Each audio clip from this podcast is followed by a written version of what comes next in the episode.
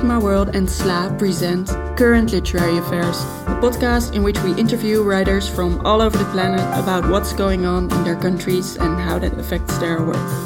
In this bonus episode, Read My World's editor, Canan Marasligil, speaks with Hengame Yaghoobifarah about trauma and resilience, racism and white fragility, and living a queer migrant life in Germany. Hengame Yaghoobifarah is a Berlin based journalist and an author. They are famous for their columns in newspaper Taz, in which they challenge the German self image of a tolerant and colorblind society, being both funny and razor sharp, not shying away from controversy. The episode was recorded at the book launch of the Dutch translation of Hengame's novel Ministry of Dreams, which was universally lauded in the German press. In the book, we follow Naz, a young queer woman whose world suddenly shatters when her sister Nushin dies in a car crash.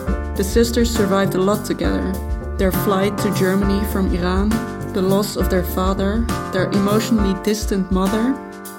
Now that Nushin is dead, Naz takes in her sister's teenage daughter and tries to understand what has happened to her. Was it an accident? Was it suicide? What secrets did her sister keep from her? Well, thank you all for being here. It's so excited to be here tonight with Hengame Yaghoobifarah and Mojde Feili. For those who don't know me, I'm from Turkish descent, Turkish and Muslim descent. So there are lots of things that are in this book that really speak to spoke to my heart in the way certain voices are represented. And this is an urgent book, a necessary book, and a wonderful piece of literature. And as a reader, you know, I've been through all these emotions when reading, and they created physical reactions in me. And your your characters also have that. We can feel their physical reactions when we read uh, your book. I laughed a lot also. Some parts were extremely funny. Some other parts were extremely disturbing. So it's a roller coaster of emotions. And then recognizing some of the exchanges Naz has with her mother, for instance. oh, yeah, I know that my mom talks like that too. And many moments I thought, oh, yeah, these characters are also very fucked up. But it's okay, I'm fucked up too, my family's fucked up too. So all these connections made me love, passionately love your book. So congratulations again. Thank you so much. And I want to ask you now about, because there are many, many things, like I just described a bit, and you're a journalist and a columnist, and this is your very first novel.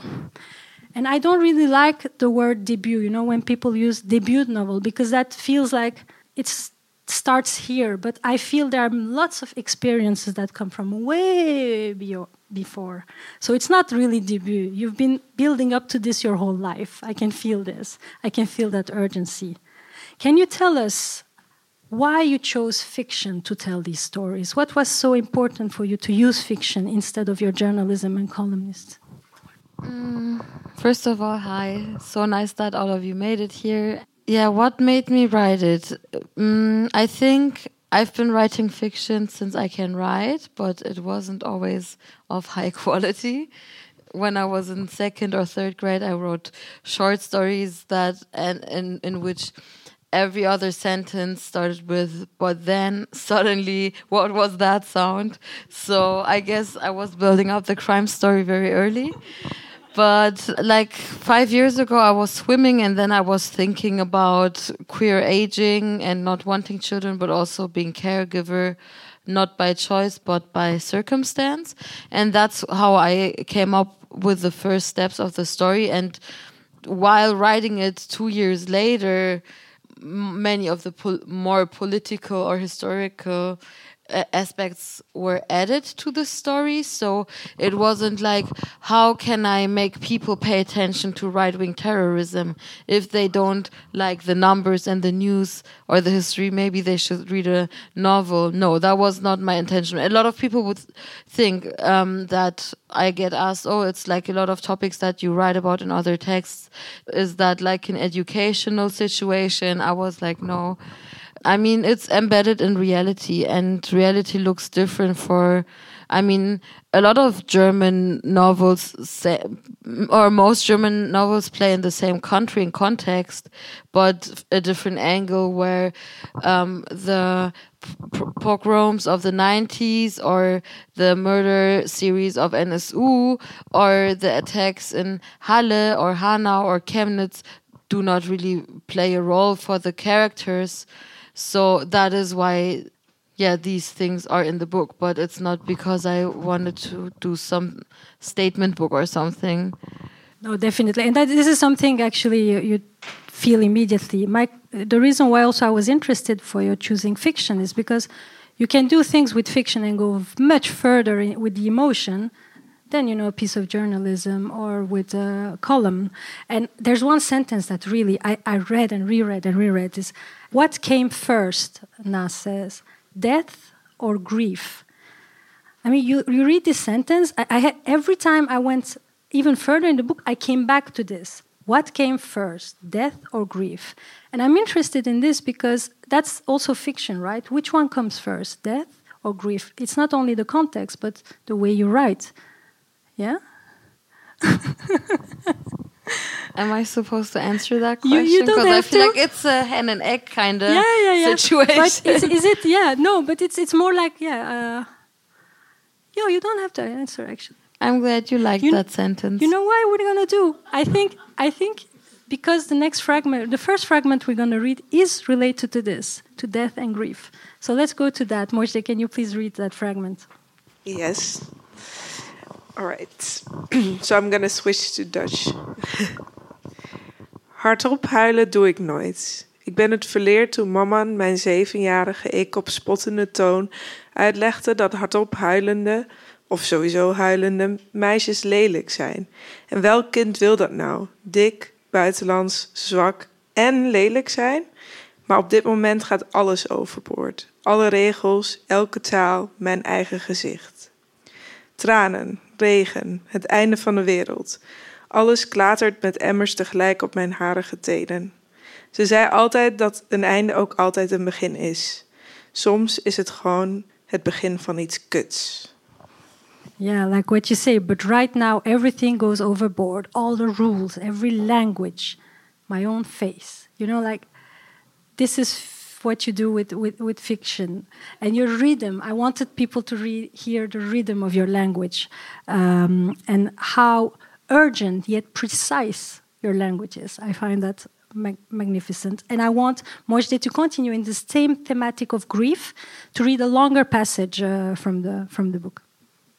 In de eerste dagen na Nushins dood lijkt het me raar dat Parvin gewoon naar school zou gaan alsof er niets was gebeurd. Al zat ik destijds de volgende ochtend ook netjes op tijd in de klas. Toetsweek, zegt Parvin. Haar antwoorden worden korter, soms blijft ze ook steken ergens in haar ogen, die dichtgaan zodra ik beter kijk. Mijn nichtje, een blackbox. Verdriet werkt zo. Je voelt je kloten en dat gaat eerst niet over. Wat erin hakt is verveling door depressie. Thuis gebeurt er helemaal niks. Ik blijf hangen in mijn eigen film als een nachtmerrie zonder wekker, maar ook zonder slaap. Een beroerde trip. Er is nog geen week voorbij als ik me niet meer ziek meld en weer aan het werk ga. Als een spons zuig ik alles in de bar op: de rook, het lawaai, de mensen, het queer drama. In ieder geval voor een paar uur kan het gewone leven mijn gedachten overschrijven. Aan de deur ben ik niet zo hulpeloos. Aan de deur voel ik de controle sterker dan waar dan ook. Mijn zwijgzaamheid wordt verward met toughness. Gigi, die anders elke vrije minuut van onze dienst aangrijpt om te roddelen over tatas in haar woongroep, glimlacht alleen wat verlegen naar me. Soms raakt ze in het voorbijgaan even mijn schouder aan en fluistert dat ik altijd met haar kan praten als ik wil. Ik hoef alleen maar een gil te geven. Ik knik en weet dat dat nooit gaat gebeuren. Plotseling voelt het alsof buiten ons werk niets ons nog bindt. Die zogenaamde beloftes van gekozen familie en saamhorigheid klinken nu als loze woorden. Uiteindelijk voel ik me hier net zo eenzaam als bij mijn gedwongen familie. Behalve dat ik me er hier niet toe hoef te zetten om met mijn moeder te praten. Mijn alle rust kan ketting roken en me klem kan zuipen. You, Mojde. Hengame, if you can tell us about what Nas uh, feels here, you know, this whole passage about grief, about silence interpreted as toughness, if you can tell us more about. I think often when you deal with someone who's grieving as someone who's not grieving themselves or who has not experienced loss you can be overwhelmed and um, the sadness of someone can come off as hard like hardness or like yes the person seems inapproachable but it's not really something it's not the vibe they send out but it's the projection that is made out of the fears of the people who are not grieving who think that if they do something they um, are like whatever they could say will be wrong or they don't know what to say. That could be the right thing to say. And i think that is one thing Naz does not feels disconnected from the people in the collective that work in the queer bar that she works as, who she was always referring to as her chosen family. But then she also has to realize that she's using that term a little bit superficially because everyone thinks that if you're queer, you also have a chosen family and your clique is then your chosen family. And then it turns out it, they're not but also not because they're not tended to you, but also because you're not opening up to them. So, I mean, which would maybe even be an argument pro they are family because that's family is usually who you don't open up to. But um, yeah, I think that's like a little glitch in her world. And talking about glitch, the, the other day we were talking about this when we were at uh, book launch of Torrey Peters uh, about her book uh, Detransition Baby, and she said something about uh, desire and politics and our politics that sometimes our desires don't align with our politics. And we discussed this and you said yeah Naz actually she tries to make her politics fit into into her desire do you think that also has to do with the way she, she talks about this uh, chosen family? And, and what are other moments when she does this Yes, I think her approach of like connecting politics to private life or to everyday life is not necessarily well she has an approach or like something that she wants to do but then if it doesn't fit she's just gonna bend it in. So it's like still the same narrative she wants to tell herself which leads to her for example not being very open towards her mom trying to like come through to her because she's like, well, the narrative wants us to be in conflict, so. And she's sometimes a very unreliable character uh, narrator. I found she she yeah confuses us. Yeah, I mean she's a very opinionated character, which makes it hard to have a somewhat neutral view of people. But uh, then again, how literature is not like a neutral lens. Exactly. And that's what's also wonderful about the way you construct the novel. And, and we will see it's, it moves also in time. And, and I want to. I want to move while we talk about literatures and, and, and, and the importance of remaining in the imagination. Bridge to uh, an author you I know you like, mm -hmm. Anne Carson, and this book, Autobiography of Red. Anne Carson is a Canadian poet and uh, she uses a lot uh, mythology in her in her writing. And I want to read one verse from autobiography of Red under the chapter Freedom. She, writes, so Geryon, Geryon is one of the characters. Geryon's life entered a numb time, caught between the tongue and the taste. So caught between the tongue and the taste is also exactly what I felt about Nas. You know, she's caught between. Uh, does this speak to you? This connection with Anne Carson? I mean, I hadn't made the connection before, so and I love Anne Carson, so I I I, I like the quote. So I, I'm like, but am I trying to make it fit because I like it?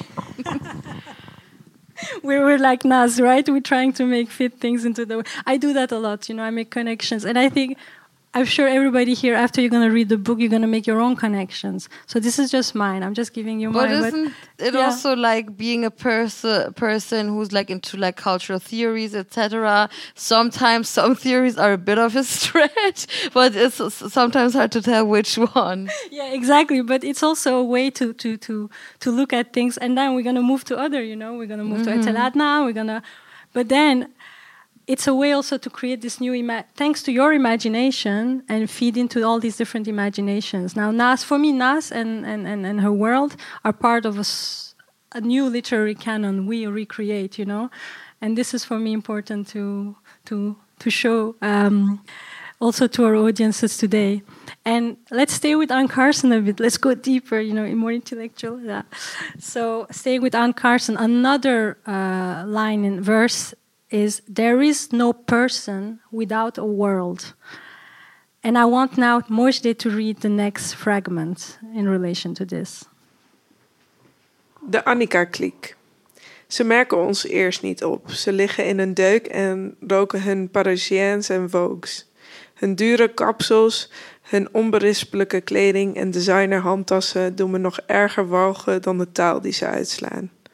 Plotseling voel ik me weer een tiener, slachtoffer van die drie bestkoppen en hun achterbakse gedoe. Zulke mean girls zaten ook bij mij in de klas. Zulke vrouwen staan achter me in de rij bij de kassa. Ze trainen naast me in de sportschool. Ze zijn mijn buurvrouwen, mijn collega's, mijn exen. Ze zijn cliché en tegelijkertijd zo verschillend. Maar één ding hebben ze allemaal gemeen: de fijngevoeligheid waarmee ze me dooddrukken. Hoe wreed hun gedragingen ook zijn, zo gauw je ze ter verantwoording roept, barsten ze in tranen uit en geven je het gevoel dat jij hun onrecht hebt aangedaan. En als je echt een keer iets hebt misdaan, weten ze de zaak tien keer zo groot te maken. Als je hun glas uit jouw handen laat vallen, doen ze net alsof het een pasgeboren kindje was. En als dat gaat huilen, heb je verloren. Ze herinneren je er voortdurend aan dat zij altijd zachtaardig en jij altijd ruw zal zijn. Zij altijd gekrenkt, jij woedend. Zij dapper, jij agressief. Zij mensen, ik een monster. Witte vrouwen hebben geen geweren nodig om je te gijzelen. Ze hebben hun tranen. Hun performance van onschuld mag dan goedkoop zijn, maar effectief is hij zeker, want aan hun reinheid wordt nooit getwijfeld. Anders dan bij mij. Ik ben altijd brutaal, altijd provocerend, altijd schreeuwerig, altijd schuldig. Zelfs als er geen witte vrouw in de buurt is. Mijn tong wordt bitter, de haat in mijn maag kookt over. So this is a passage about the Annika clique. Can you tell us more? It, touches on white, white fragility, white tears. Uh, if you can tell us how also Nas, uh, this happens in the school when she goes to uh, teacher uh, meeting for Parvin. Mm -hmm. Yeah, so she's at that teachers meeting where there's this bully clique that I refer to as Annikas. I don't know what the Dutch equivalent of an Annika is. Um, no, Karen is the mom.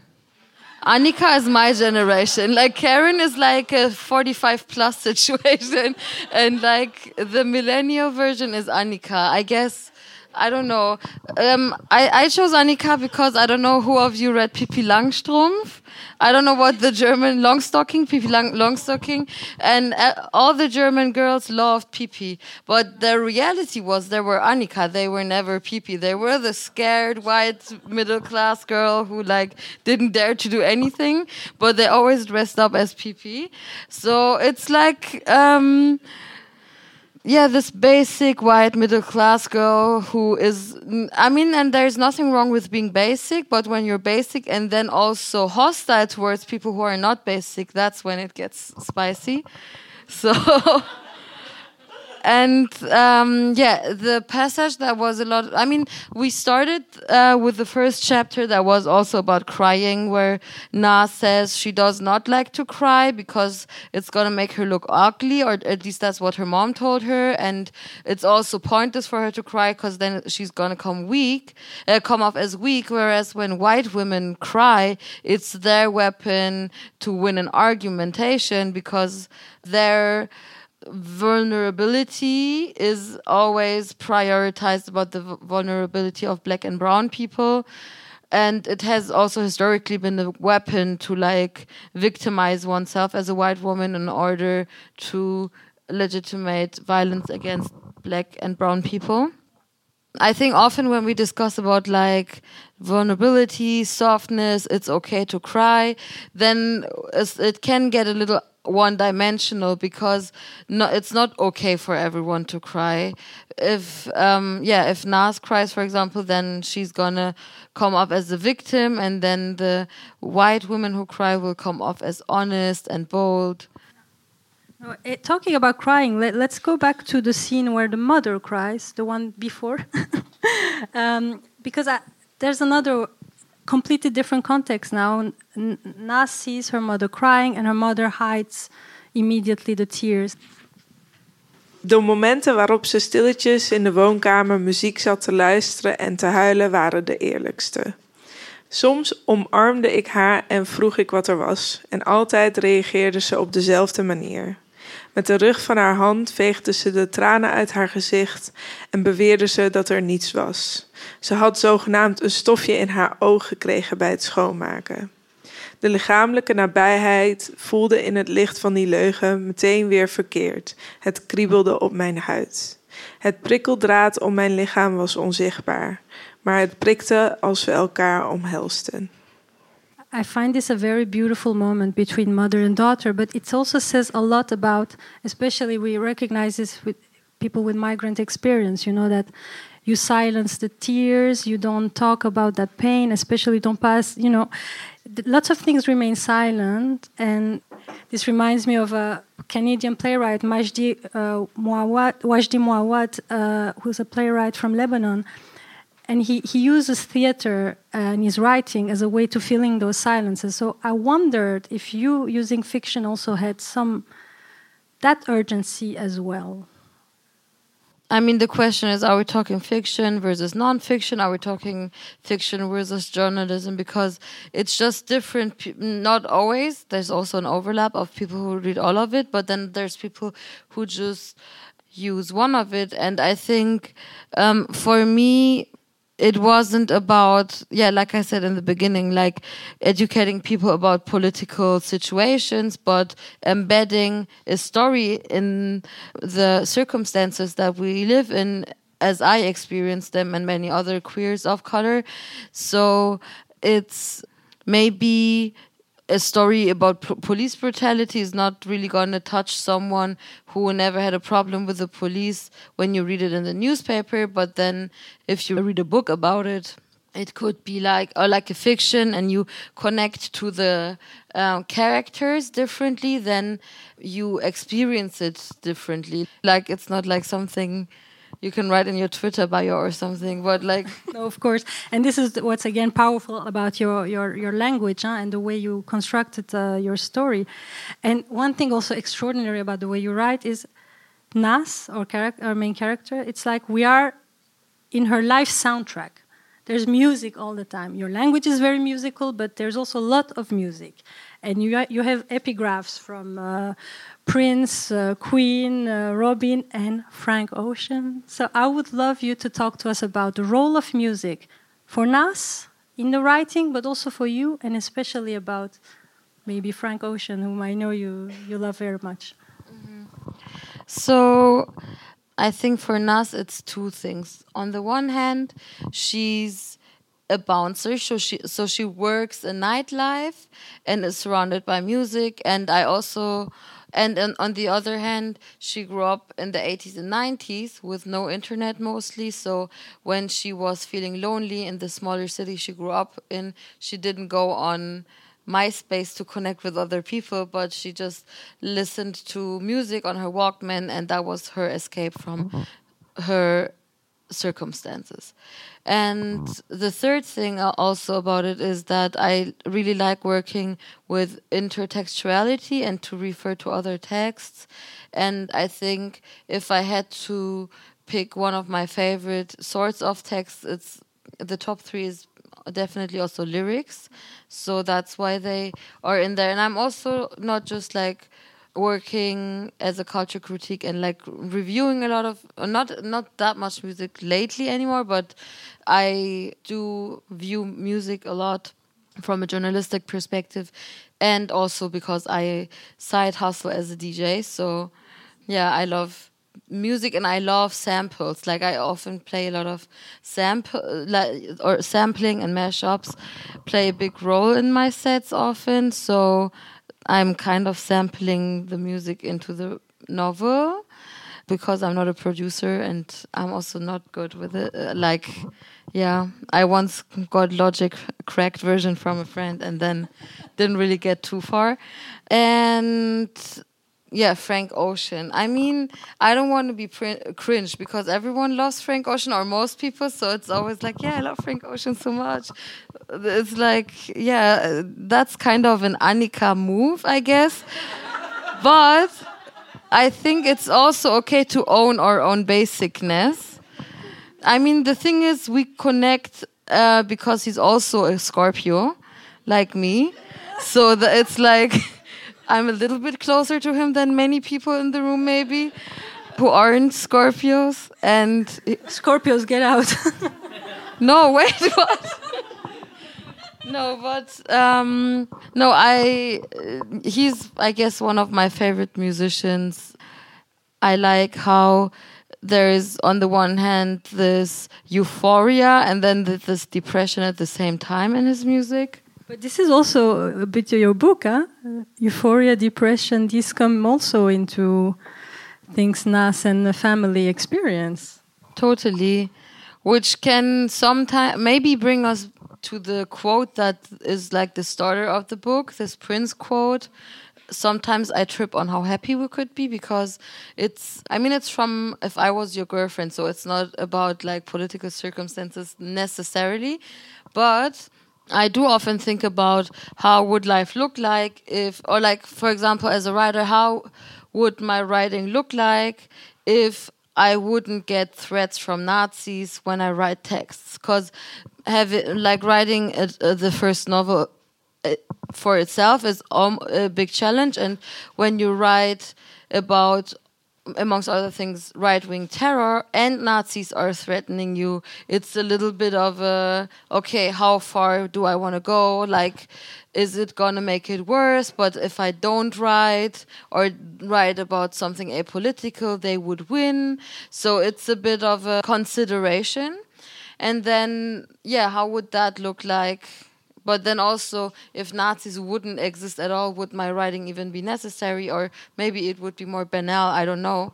Or like, I guess my writing would still exist and it would just like have many other different topics because I wouldn't say it's like a reaction, reactionary practice.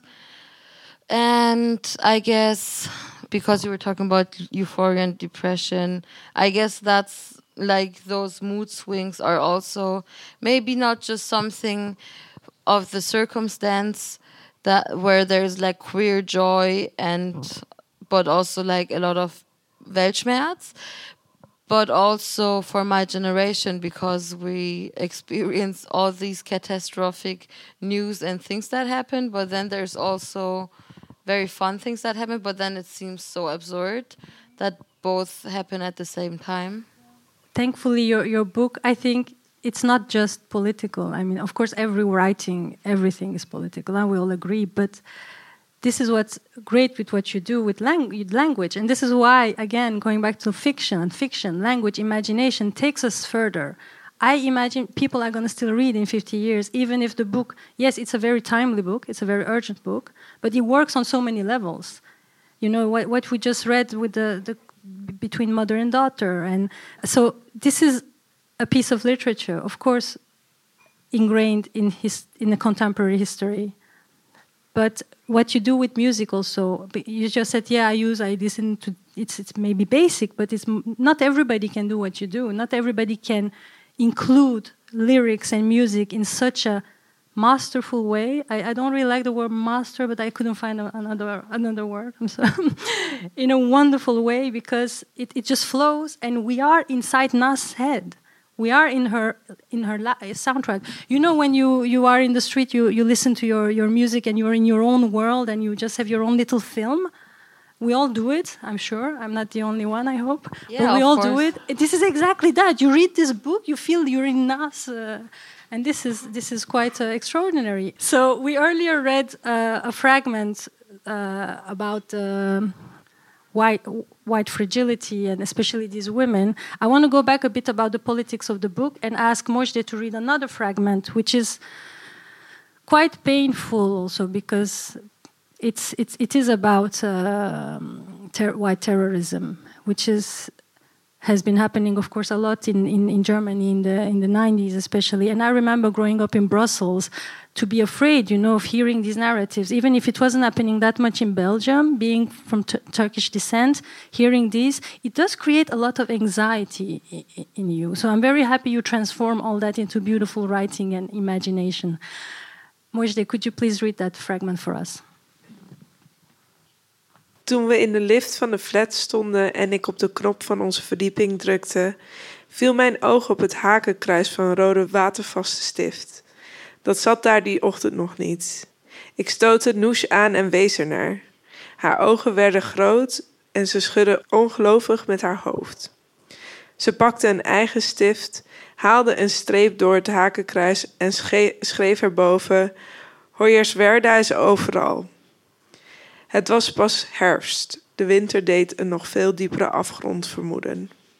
De vrees werd bewaarheid. Nationalisme was de goedkoopste druk. Het kostte maar een paar levens die in dit land toch al nooit van waarde waren geweest. De haai was snel, maar de kater was fucked up. Vooral voor iedereen die nuchter bleef. Nadat er bij een aanslag in Meun drie mensen om het leven kwamen, kreeg de duisternis ook bij ons, 30 kilometer verderop, een nieuwe dimensie. De stemming was omgeslagen. In het begin hadden we geen zin in problemen, dus gingen we niet naar buiten als de duisternis was ingevallen. Boodschappen deden Noes en ik meteen na school, zodat mama niet nog naar haar werk langs de supermarkt hoefde. In sommige delen van de stad waagden we ons niet eens. Thank you. So this is a fragment where um, Noosh and, and Nas paint over a, a swastika, uh, writing everywhere is uh, Hoyerswerda. Can you tell us more about the specific context? What is happening in this scene? It is shortly after there has been a racist attack in Hoyerswerda in the east of Germany in the 90s and um, they are they talked about it in their school break with their friends who they have a bit of an antifa group with and when they're on their uh, when they're in the lift to their apartment there is a swastika and they cross it and say Hoyas Hoyerswerda's everywhere on underneath it because yeah they do discuss how much are they in danger or not. Like it's not the same city but um it is somewhat random because uh, random because it's just like targeted at um, racialized people these attacks but not like a specific it's just some racialized people who live in a house. So it and because of that randomness it could hit different areas um, in the city where a lot of migrant families live or uh, black and brown families live. And this context, very, you know, it, it comes back several times, of course, throughout German history also, and even until very recently. Yeah, we saw with Hanau, and uh, it's it's. So we're not done with this yet. I, I, I wanted to ask you how, again, going back to Nas, because Nas, is a character with a lot of agency. Yeah? This is something you show a lot in the, we feel a lot in the book. And despite all these deaths, in her family, you know, this whole horrible context. And she has to deal with so many different things a new teenager in her house, etc. Wh where did you find the, the, the, strength to give the agency and, and where the, what are the happy moments for Nas in the book that were important for you to, to highlight among all this?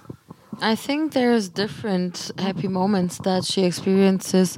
One is, for example, bonding with her niece by cutting her hair into a like lesbian haircut that she requests, or um, another bond. Like, of course, the different scenes where she's like in love with someone also are more joyous, or when she yeah was bonding with her sister. So there's different fun moments for her of course. And i also don't like reading literature or even poetry, like both prose and poetry, that are claiming like a more marginalized position of the characters, but they're only emo. Like there's only sadness, no agency, like the crippling trauma, etc., etc. I don't like that because it's. I don't know people who only like sit at home and cry and don't do anything uh, about their circumstances. It's like because often, I mean, they are resilient um, characters and they're not just gonna um, be like, okay, so the wheel of fortune keeps giving us bad luck, so that's it. My life is ended at 12 or whatever. But they still try to do their thing and at least try to see what they can change. For the two sisters, for example, they move from Lübeck to Berlin and start some something of a new life because they know that there's much more out there. And I think this approach of bad things happen and that's what it is. You just have to deal with it. Is also a very straight worldview in a way because it's um because I feel like queers always know that in the world most things are not made for them and they just have to find their niche or like their own environment to be able to breathe and to like cherish each other. And even though uh, there can also be conflict and violence and uh, it is not like safer space or not a utopia. At least it is an alternative. And it is there like people have been creating these alternatives for themselves forever and it's like still happening. And I keep thinking about, for example, and it's like a different thing in a way, but I was talking about a middle aged divorced woman, a straight one, and she was like, it's so hard when you like get divorced in your 40s, you move in a different city, and you can't really find new friends because everyone else is just like still friends with the people from school, like since 20 or 30 years, or in their nuclear families, or hanging out with their colleagues. But there is no barely like true friendship in like th this mm, lifestyle of nuclear family centrism, and you also have a hard time even finding people to connect to. It's not like how a lot of queers move through the world that I know who just go to some queer bar or queer bookshop or even like a cruising area in a park and then they connect to other queers and then they just like get into conversation. Doesn't mean they have to become best friends but they potentially could. And there's like more opportunities to connect because queerness is closer to, or like there is a lot of loneliness connected to queerness but this lo loneliness is often a myth in a way not just a myth it is also a reality but people think that well queers will die lonely because many of them get sick or um, and their partners die or nobody wants to hang out with them because if they're not like um, their immune system is not sick then they are mentally sick. So th there's like a lot of stigma around queerness that frames them as lonely but there's a lot of connection that um, I do not see in most nuclear families or like straight, like functional marriages. So, um, and I think I don't know where we came from, but that's where we landed right now. Exactly. It is. Uh, we we're just traveling. You know, it's fine. I think everybody is happy. I hope. Adventure walking through different topics. No, it's it's wonderful because. But this is what your book. I keep saying with the complexity of your book. This is what you do with this, uh, and of course, with non nonfiction, you could also get to these places, but there is again something you do with using fiction that allows you to even go deeper into these complexities and create creating these moments of yeah, it's multi-layered. The experience, yeah, Nas goes through a lot of shit. Yes, sure, but everything else you do using whether the music and the, the, the friendships and tell us more about yeah let's go back a bit to the emotions between sisters you know? They have a, quite a strong bond as well. And this is very important this love uh, between the two. Yeah i mean in the beginning um, or like the first flashback is about how much nas hates her younger sister because she wanted to have 100% of the attention of her parents, and her sister keeps scapegoating her. But by going through crises such as war together or coming to Germany as refugees, losing their dad, um, having a difficult mother, they bond with each other and they become the people who understand each other the most. That itself does not have to mean they get close because this is also things that makes siblings not talk to each other ever again because there's different ways of coping with all that um, yeah all these circumstances. But these two become each other's strongest allies in a way and go through the things together. But there's also things that separate them like love interests for example or different interests in friend groups um, it's not always given that they will stay close.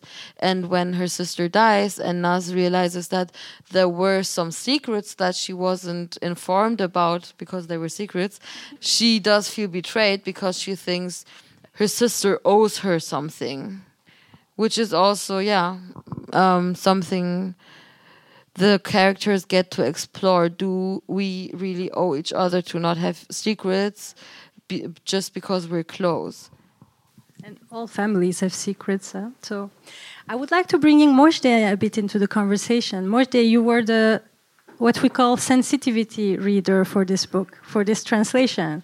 Can you tell us a bit about your experience? First, reading the book, what your feel, do, do, do, just like I did. You know, how did you feel about the book? And I know you're passionate about the book too. Huh? Yeah, I I think um, I've talked a lot in general about like representation in literature, but I don't think I knew what what it was to read something that was so close because it was very recognizable for me as well. And you put a lot of um, Iranian culture in there. And then I would read something and I was like, oh my God, my mom does exactly the same thing. And she says exactly the same words almost. And I was like, is this maybe a universal Iranian proverbs? yeah, like experience. And but even small things like um, dipping the chips into the yogurt and this is something that I, I thought that we did, but it's I think a lot of Iranian people do. Anyways, it's those little small things, and obviously I had to really pay attention if the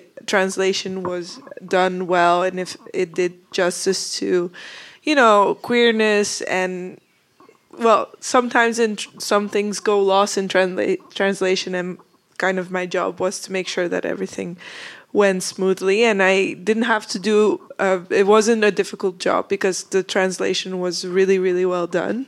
So i want to say that it was a very um, smooth sailing even though i went with my most critical eye on it. And when we were having dinner i also said i really want to read it again but then for pleasure because i think it will give another experience when i'm not really like focusing on each each word or if everything went right but i can really you know let it overcome to me. But it was a joy nevertheless. It didn't feel like a job to read it because it was so yeah relatable but also i really enjoyed the characters. For me they came alive. Um, but especially the the part about the white women um, using their their tears as as weapons that one I think I reread four times because I was like, this happened to me so many times actually. I I've been on that end of the uh, other side of that weapon and I've seen it been used against me as well. So I was like, oh my god, this this is true in the Netherlands as well. We have this problem as well, and I think it's a lot of white women do this. Um, so that part for me was very, very important that you put in because it confirms this kind of nagging feeling that you have all this time, and then you read someone else's words and you're like, "See, I was right." Thank you so much. Yes, I I want to end our conversation with a poetic passage from from your book. Please read that passage. We may comment after or, or not. Let, let's see how you, you feel. But I find it's a beautiful, very poetic passage. De bloemen zijn een soort van overleden, mompelde ik voor me uit. Ze zijn zo stilletjes overleden dat niemand het doorhad. Ze hebben gewoon hun blaadjes laten vallen, maar als je bij de wortels komt omdat je ze wilt begraven, ruik je wat ze hebben achtergelaten. Ik draaide de vaas om en gooide het sopwater in het putje, in de hoop dat de geur daarmee zou verdwijnen voordat onze moeder thuis kwam. Yeah, we, we, we're back full circle about death again. uh, and I found your imagery of, for those who didn't understand the whole passage, your imagery of we, these uh, flowers in a vase and we just watch them die. I had never thought about looking at flowers this way. Yeah, born to die, as they say. Thank you. Yeah, it's it. it's, it's a really beautifully written. Uh, Thank you. It's really a life changing book. And it's a wonderful piece of literature. And it is going to be read over the years and more and more. And we're looking forward to more from you, Hengameh. Second novel, hopefully, soon coming up. Uh-huh. It's to take time, but we're waiting for it. Thank you, thank you, thank you so much for being here.